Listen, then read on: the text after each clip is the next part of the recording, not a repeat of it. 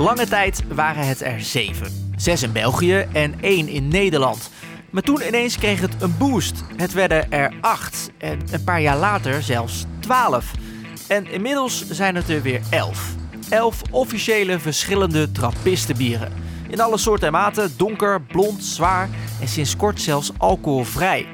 Maar ja, wanneer is een bier nu precies een trappist?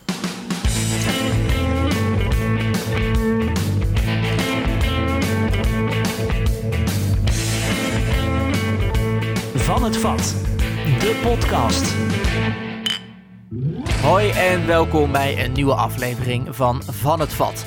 De podcast voor bierliefhebbers die graag een bierkenner willen worden. Ik ben Jasper Stads, zeker weten een bierliefhebber. En dit keer ben ik op de plek waar acht jaar geleden het tweede Nederlandse trappistenbier de markt op ging.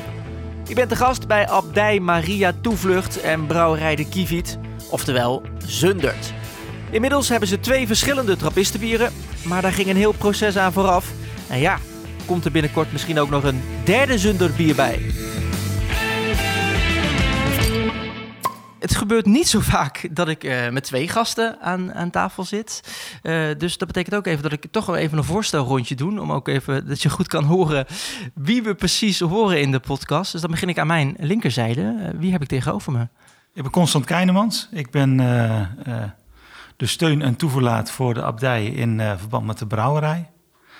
Ehm, ik zeg altijd, ik ben de handen mede van de broeders voor het eh, zorgen dat het, eh, het bier de brouwerij uitkomt. Eh, en kan ik je in die zin dan echt brouwer noemen? Brouwmeester? Ja, ja. Dan gaan we naast u aan de linkerzijde. Ik ben eh, broeder Christian en ik ben binnen de abdij verantwoordelijk voor de brouwerij. En ik eh, brouw ook mee.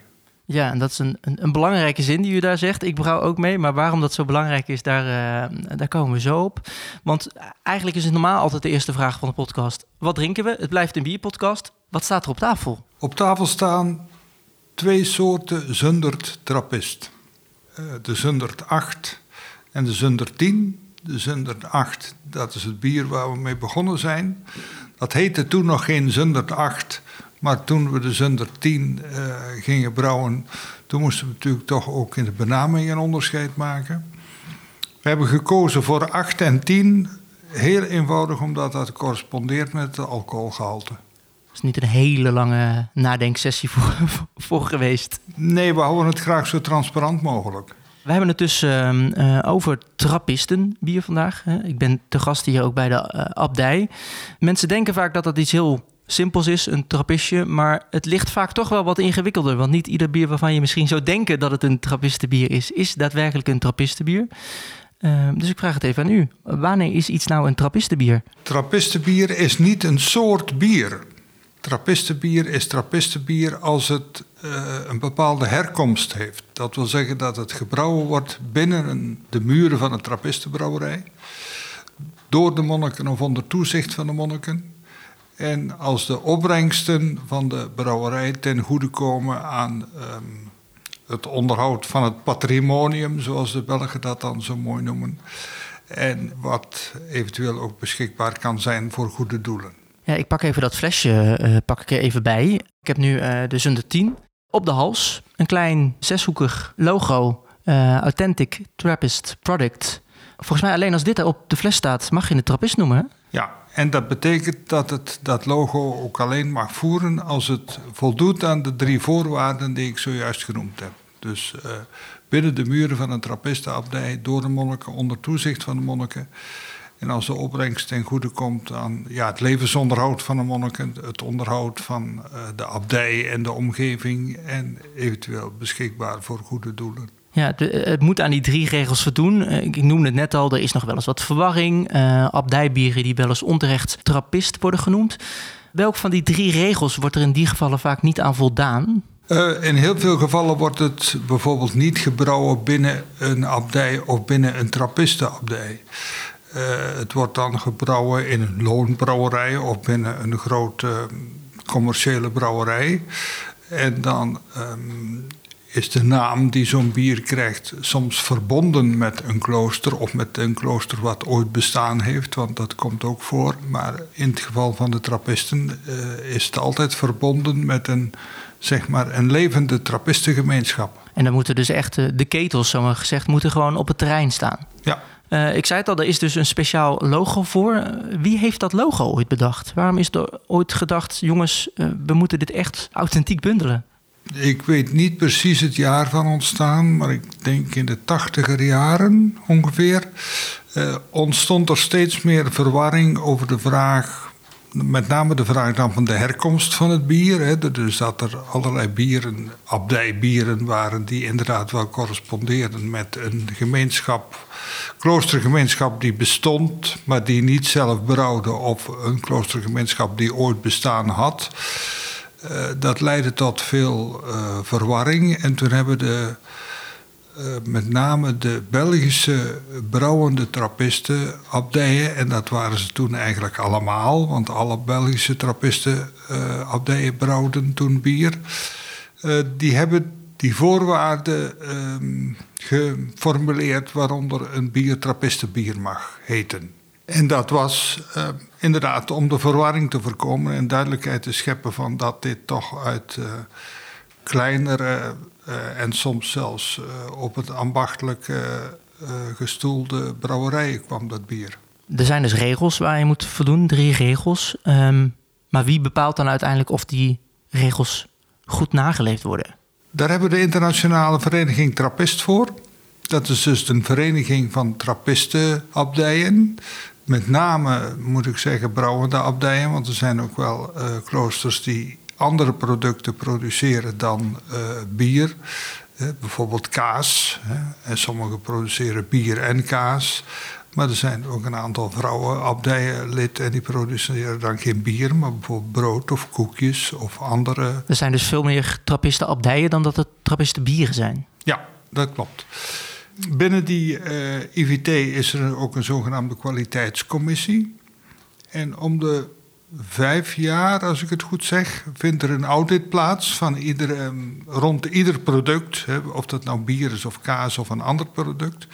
En dan wordt er onder andere op deze drie regels uh, wordt, uh, gekeken. Maar ook überhaupt naar uh, de hele omgang zeg maar, met kwaliteits- en productiebewaking. En uh, dat logo waar ik het net had, uh, ik ken het vooral van, van dieren. Maar dat logo staat dus op veel meer andere producten die ook. Ja, dat kan ook. Ja. En geldt dan, uh, u noemde als voorbeeld kaas. Um, geldt voor kaas dus exact dezelfde regels, die drie die u net noemde, als voor bier? Ja. Dan moet niet het bier, maar de kaas binnen de, de kloostermuren. Inderdaad, ja. Jarenlang waren er eigenlijk maar zeven verschillende soorten trappistenbieren. Zes in België, één in Nederland naar mijn geheugen was dat heel lang zo. En ineens was er een tijd, kwamen er heel veel bij. Waaronder Zundert in 2013. Um, laten we even bij Zundert beginnen. Hoe is hier het idee ontstaan? Wij gaan ook een trappistenbier maken. Uh, dat is eigenlijk een heel prozaïsche reden. In die zin dat wij uh, als communiteit in die tijd aan het nadenken waren over een um, extra bron van inkomsten uh, kwamen we snel uit bij de vraag: zouden we een brouwerij beginnen?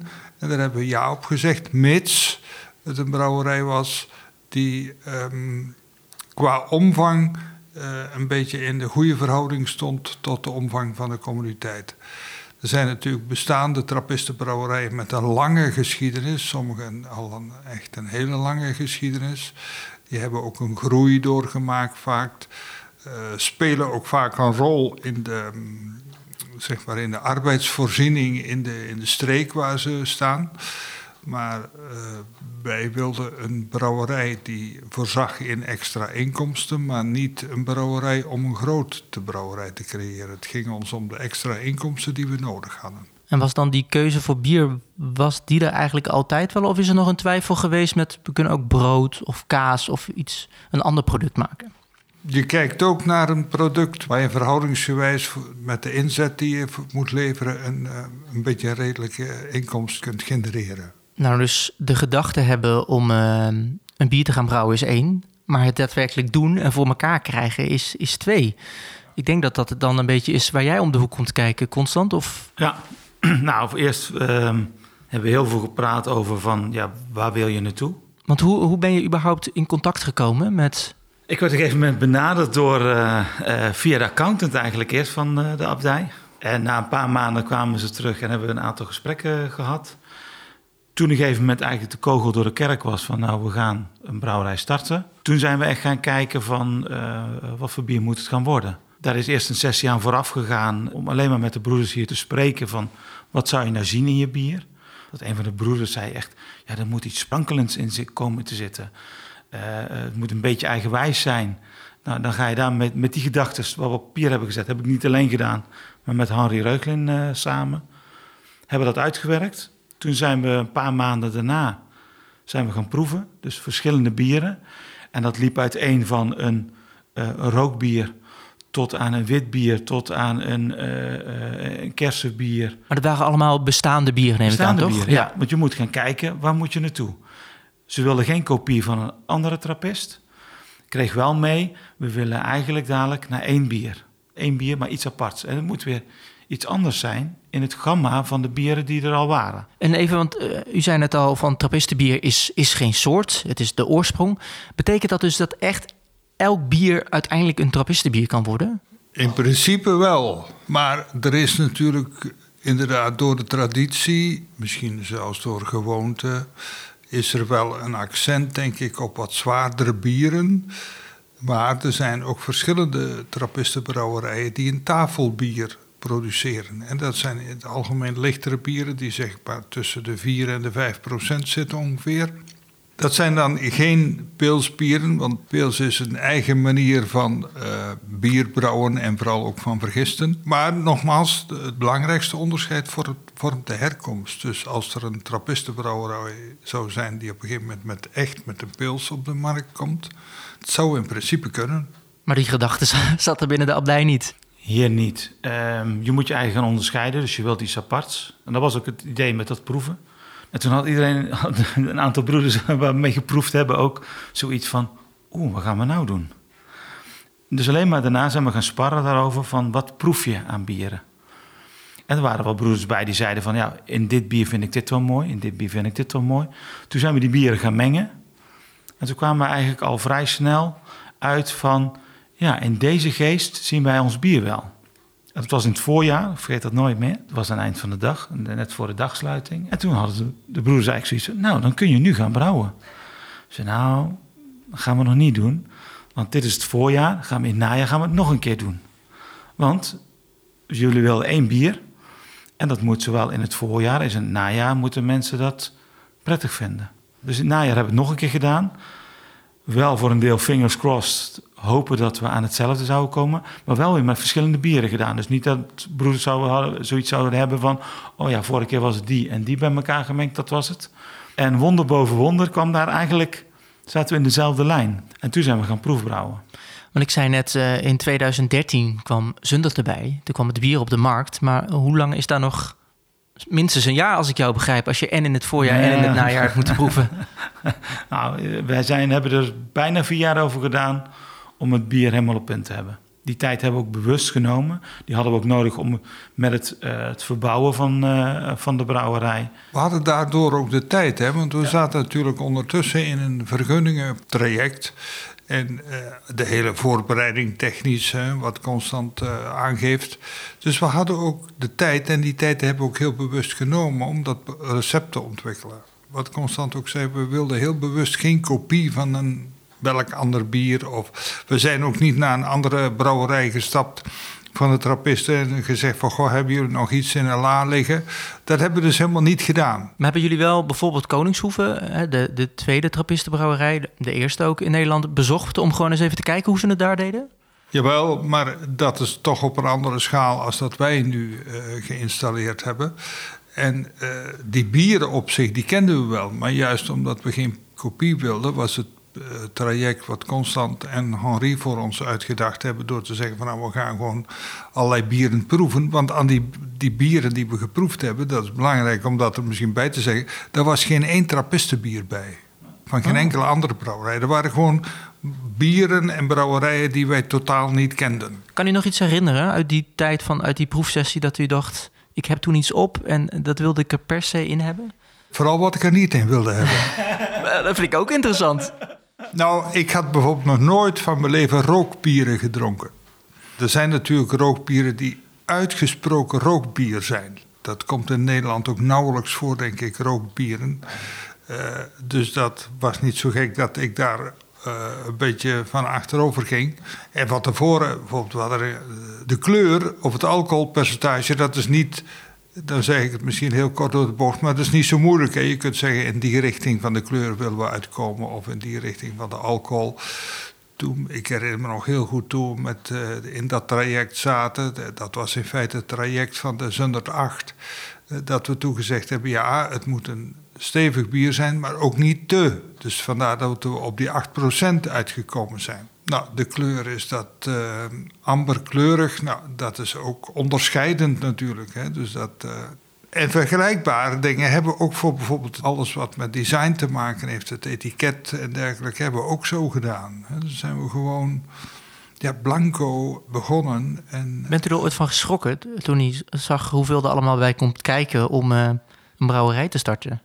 Nou, het is inderdaad heel veel omvattend. Je denkt aan de, aan de ruimte en de brouwinstallatie, maar uh, het is ook iets waarmee je naar buiten toe moet presenteren. Dus die hele omgeving van design is ook belangrijk. En uh, ik moet zeggen, dat is een wereld waar wij ons normaal niet in begeven. En wat waren de eerste reacties eigenlijk toen het naar buiten ging? Zundert komt ook met een eigen bier.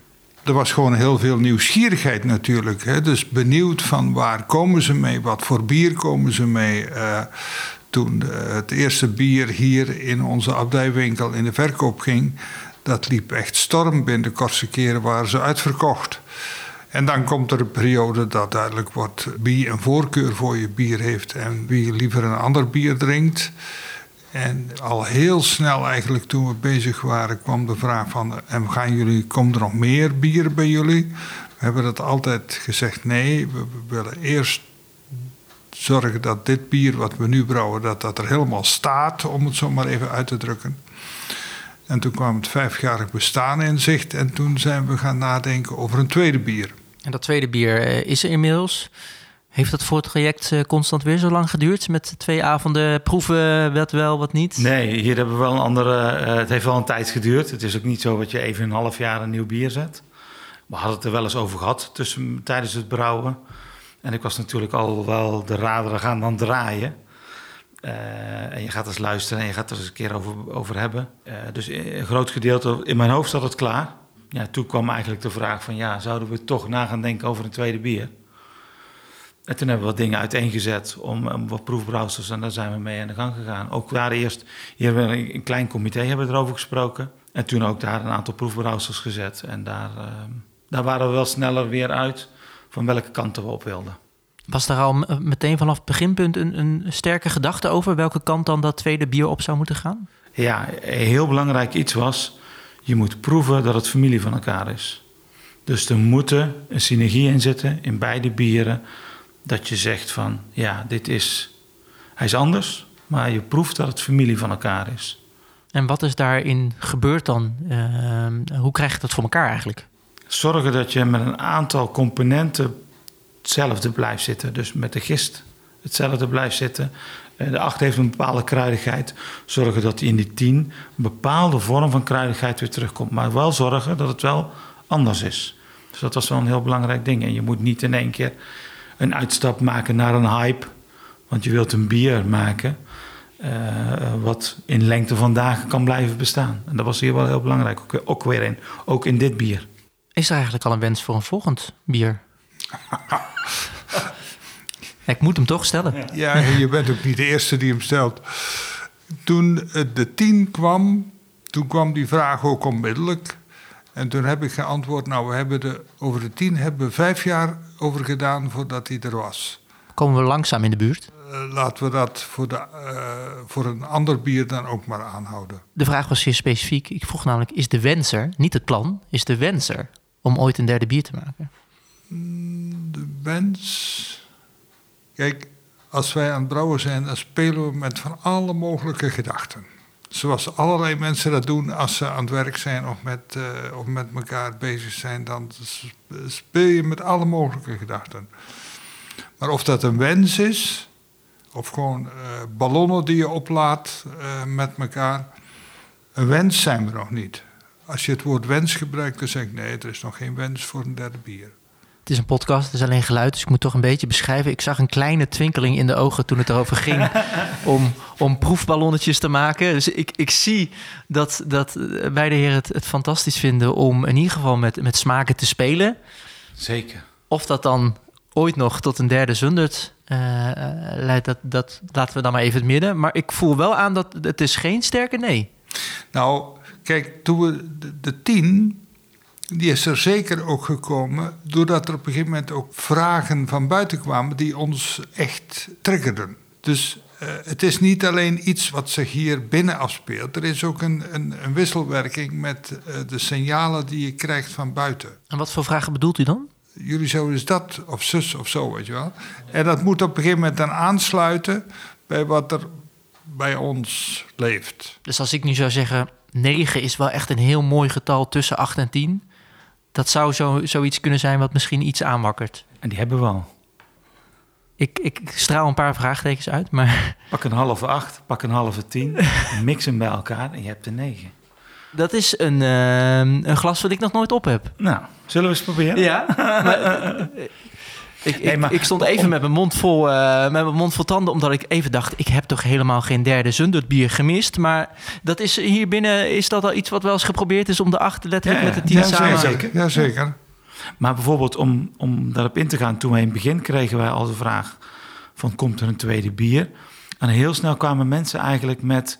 Um, je hebt nu eigenlijk een, een amberkleurig bier, zeg meer, dat trekt meer naar de mensen met een blond bier. Maar er zijn ook mensen die houden van een donker bier. Ze kregen vrij snel de vraag eigenlijk, komt er ook nog een keer een donkere Zundert? Dan ben ik echt benieuwd naar de Zundert 9 eigenlijk. ik zie jou al klaar met de flesjes. Als het niet hier gebeurde, zou ik iemand toch bijna voor gek verklaren. Hoe durf je de twee zomaar bij elkaar te schenken? Maar dat is eigenlijk dus gewoon een heel goed idee. Nou, ik zou zeggen, proef en beleef het zelf. Laten we eerst proosten op de gezondheid natuurlijk. Dat is altijd belangrijk. Gezondheid. Gezondheid. Gezondheid. Het is een goed idee. Als ik het zo uh, begrijp, is eigenlijk het antwoord... zorg zelf maar dat er een derde zondag komt. En koop beide thuis en dan hoeven wij, hoeven wij, hoeven wij het niet te doen. Kijk, het is natuurlijk, als je dit doet, in die zin is jouw opmerking terecht. Het is niet altijd gezegd dat dat lukt, hè, of, dat dat iets, of dat dat inderdaad een positief effect heeft om twee bieren te mengen. Maar in dit geval gaat het dus heel goed. Heeft dat ermee te maken wat je net zei, dat het belangrijk is dat het familie van elkaar is? Ja, ja. want dan blijf je ook nog steeds je karakters proeven. Wil ik het ook nog even over de toekomst hebben? Hè? Want ik had, had het er net over dat er in een korte tijd uh, uh, veel uh, trappistenbrouwerijen bij zijn gekomen. Maar sinds dit jaar is er ook eentje afgevallen. Namelijk Achel in België. Om de simpele reden eigenlijk dat het niet meer aan die drie regels voldoet. Trappisten moeten erbij betrokken zijn. En dat is helaas bij Achel niet meer het geval. Hoe ziet u de toekomst voor zich wat betreft trappistenbrouwerijen? De toekomst van trappistenbrouwerijen, volgens de regels die we daar straks genoemd hebben is inderdaad volstrekt afhankelijk van een levende communiteit. En daarover vind ik het heel moeilijk uitspraken doen, omdat in de loop van de geschiedenis uh, gemeenschappen geweest zijn die op sterven na dood waren en die op een gegeven moment toch herleefd zijn. Op dit moment heeft het kloosterleven niet makkelijk. Dat heeft met de situatie van, van de kerk in zijn algemeenheid, uh, dat heeft met de individualisering in de samenleving te maken. En zo zijn er misschien nog wel meer dingen te bedenken waar dat mee te maken heeft. Maar ik kan niet voorspellen in die of die richting gaat onze samenleving zich ontwikkelen. Nee. En welke plek zal daarin dan het kloosterleven hebben? Ik wil proosten, beiden op de gezondheid en op de Zundert 9 dan maar. Proost. Proost. Dankjewel dat ik hier mocht zijn. Tot zover deze aflevering van Van het Vat.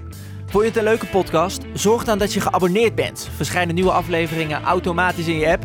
En ik kan je alvast verklappen, de volgende aflevering wordt extra lang. Dan zit ik aan tafel met de directeur van Swinkels Family Brewers. Dat is de volgende keer. Uh, volg Van het Vat ook even op Instagram. Blijf je ook op de hoogte. En uh, nou ja, tot de volgende. Ik zou zeggen, proost!